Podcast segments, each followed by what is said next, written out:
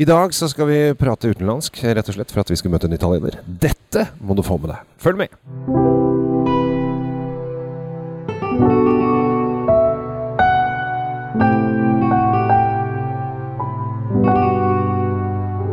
Hei og hjertelig velkommen til dagens episode av Kjell Svinkjeller, og ikke minst podkasten til vår alles kjære Tom Ratte Løvaas, The Drink Feed. Ja, og det, det, er litt kult i dag, Kjell Gabriel, for nå For det første er vi utendørs. Vi er utendørs. Det hører at Jeg hører ikke noe fugler. vi, sitter i bakgården bak uh, domkirken ja. uh, og har med oss en veldig hyggelig og sjarmerende italiener som vi skal snakke litt med nå.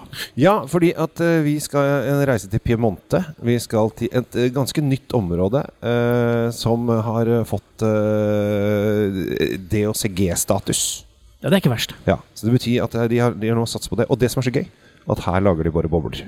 Men da kan vi ønske gjesten vår velkommen. Det du kan, kan få æren, Kjell Gabriel. Ja, welcome to Norway, Oslo, Luca.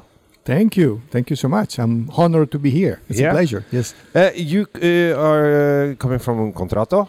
I coming, uh, yes, I was born and raised in Piemonte and I work for the winery Contratto for the Rivetti family, yes. Yeah. Uh, you have, because I think a lot of Norwegians don't understand anything about the contratto uh, or, the, or the, the area that this wine is from. or not some do, but we have to we have to yes. start in the beginning. Uh, what what what what's uh, special about this area? Um, so we are in in Piemonte. We are uh, about 30 kilometers southeast of Alba, uh, at the beginning of the Alta Langa region and Contratto, which is the name of the family who has founded the, the, the winery mm. 160 years ago, mm. is the oldest uh, Italian sparkling wine producer, together with a few other uh, local producers. Canelli is the village where the, the winery is located. Um, is the capital has been the capital for Italian traditional method wines for more than 100 years. How, how, how did it start there? Oh, they they you know. Uh, uh, 1855, 1867 was the time of Contratto. They were dreaming to make uh, champagne. Yeah. And so they sent the, uh, the, the cellar masters to, to Champagne area to learn how to make uh, to make the second fermentation in the bottle, how to control it, and um, it worked. And so they started. They started with Moscato, the beginnings. They were making a naturally sweet uh, sparkling champagne method wine, and then they when when champagne became drier, they also started to work with Pinot Noir and Chardonnay, and to make drier drier wines, and and this is this is the history. Yes. You told me earlier that you you are very uh, uh closer and closer to the terroir, to the to the agriculture aspect of, of growing wine. Uh, is is this area particularly easy to to grow wines in? It's uh, very vocated. Uh, it's uh, ideal, especially in the highest part uh, of of the Langhe. When you are, for example, in Barolo, which is more known, you go direction south, and you go higher elevation. So you you can where, where we have, for example, our vineyards for Contratto at seven eight hundred meters elevation, uh, super chalky mineral soils, and it's ideal to grow Pinot Noir and Chardonnay when you want to make a sparkling wine. It's it's it's perfect. Yes, you you can get great acidity. Um, you, you, you have the possibility to let the grape get riper without losing the acidity. is is a magic uh, situation. So, so if you have made this wine like in Barolo, that's 400 meters, it exactly. didn't it wouldn't have worked or it would no too, it, too, it too would fruity. have worked. It yeah exactly. It would have worked but uh, uh, the risk of uh, um, losing the acidity i mean the, the problem generally speaking also in other regions of italy when you want to make a sparkling wine with chardonnay and pinot noir is that you need to to harvest to pick the fruit very early yeah. because you are so stressed about the acidity and that would be the same in the lower part of Langhe, so Barolo, Barbaresco area, which are fantastic to grow Nebbiolo, to grow Barbera, but maybe Pinot Noir and Chardonnay needs different uh, uh, conditions, especially when you want to make a wine dry without dosage, yeah. like we do at Contratto. So all our Alta Langa are all pas dosé. Mm. We tasted your wine uh, earlier, and and I think the uh, around the table here, everybody was uh, amazed of the of the acidity level and, and, and the freshness of the even the rosé had had high level of everything you like. Yeah. And how long it, how long time did you use to end up with that product? For the rosé, uh, I mean, I'm I'm uh, so proud and honored to work with uh, with a man called Giorgio Rivetti. He's, is is a great winemaker, but he's also a fantastic farmer. So he knows exactly.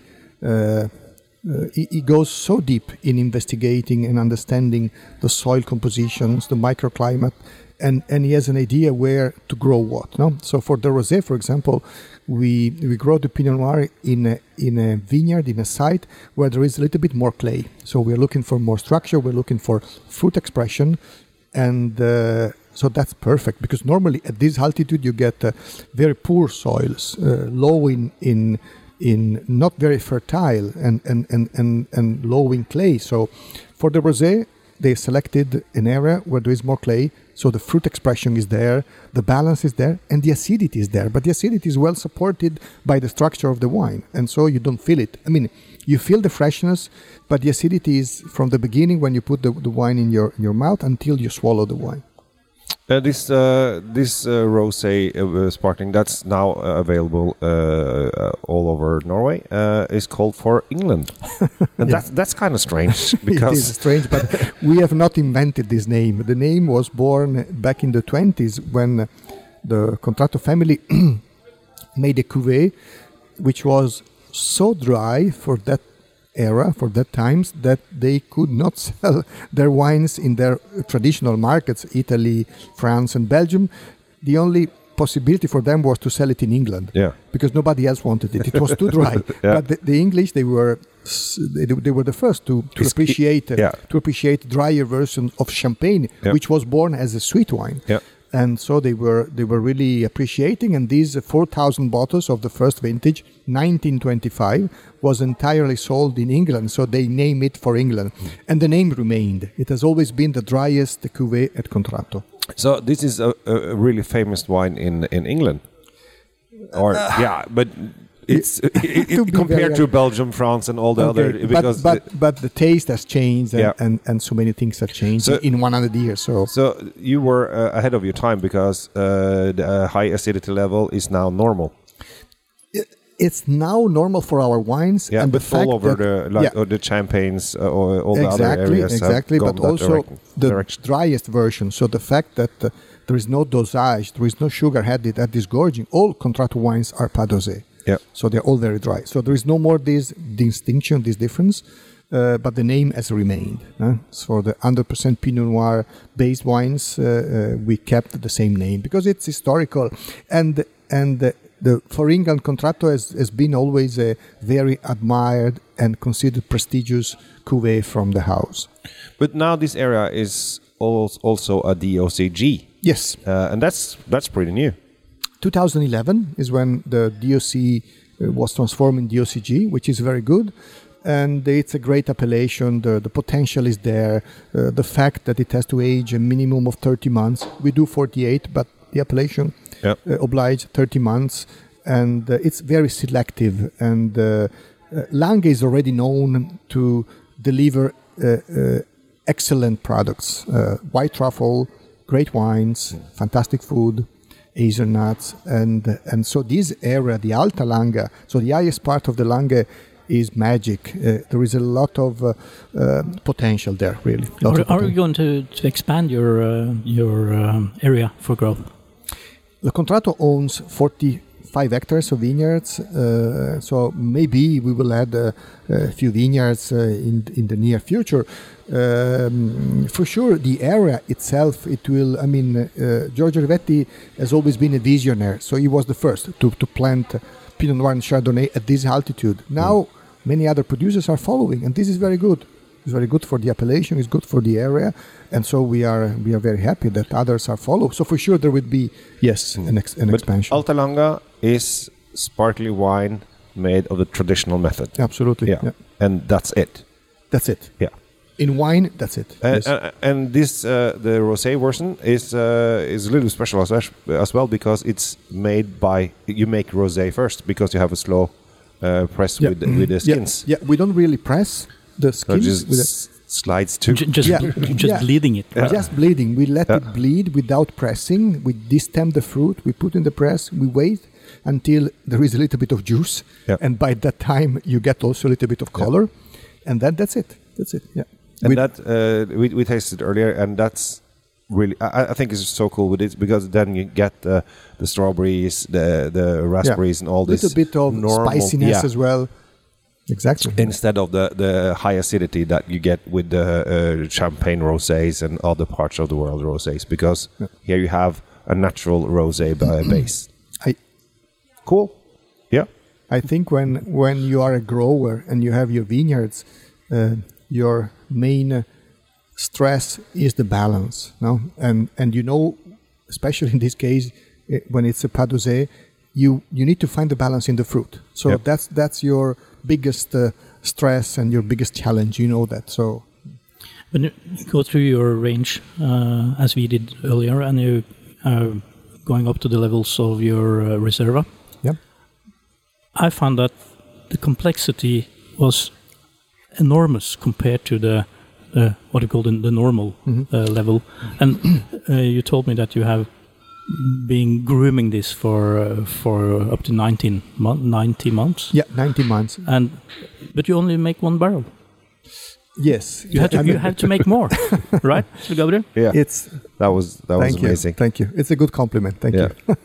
it's a limited production, but the potential is there. Yeah. The potential is there, and this is what makes uh, us happy, everybody at Contratto, and and, uh, and also very proud. Uh, to be honest, yeah, we we did with this cuvee that you are talking about. We, we mm, like we we like to do blind tastings, and so we did blind tasting with some super high end, really great champagne, and uh, and we were very happy about the result So uh, it's a matter of, you know, No need to be Wait. modest there.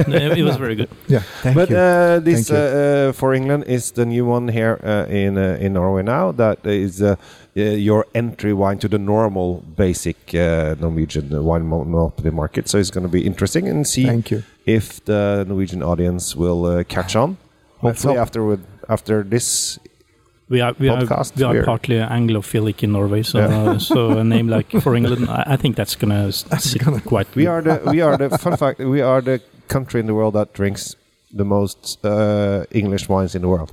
Outside, Really? outside, of England. of England. Yeah. Oh, So the biggest export market in the world for English. So I think that for England is uh, is a good uh, selling note. Good, yeah, you will good. get uh, Not- good help from them. Yeah. not made on purpose, but yeah, good to No. know. Yeah. Thank you so much, Luca. Thank you. Uh, Thank dette you. var kjempegøy. Det var kjempestas. Ja. Så gøy at fyren uh, kom hit og Kom til Norge for å la oss smake på vin. Det syns Ja. vi alltid er hyggelig. Eh, For England eh, koster eh, 399, tror jeg. Og den vi snakket om, denne special cuveen, den må du bestille. Den, da er vi oppe i 799, bare Ja. så det er sagt. Jo, men når det er sagt, så er ikke den en dårlig pris, fordi den er den er, den er faktisk ganske spesiell. Takk for at vi fikk lov å underholde dere denne gangen. Takk for at Luca har vært der. Takk for at alle har vært der. Thank you so much, Luca. Grazie mille voi. Grazie. Tusen takk, Tom. Grazie Pelé. Tusen takk, Kjell Gabriel. Grazie, grazie.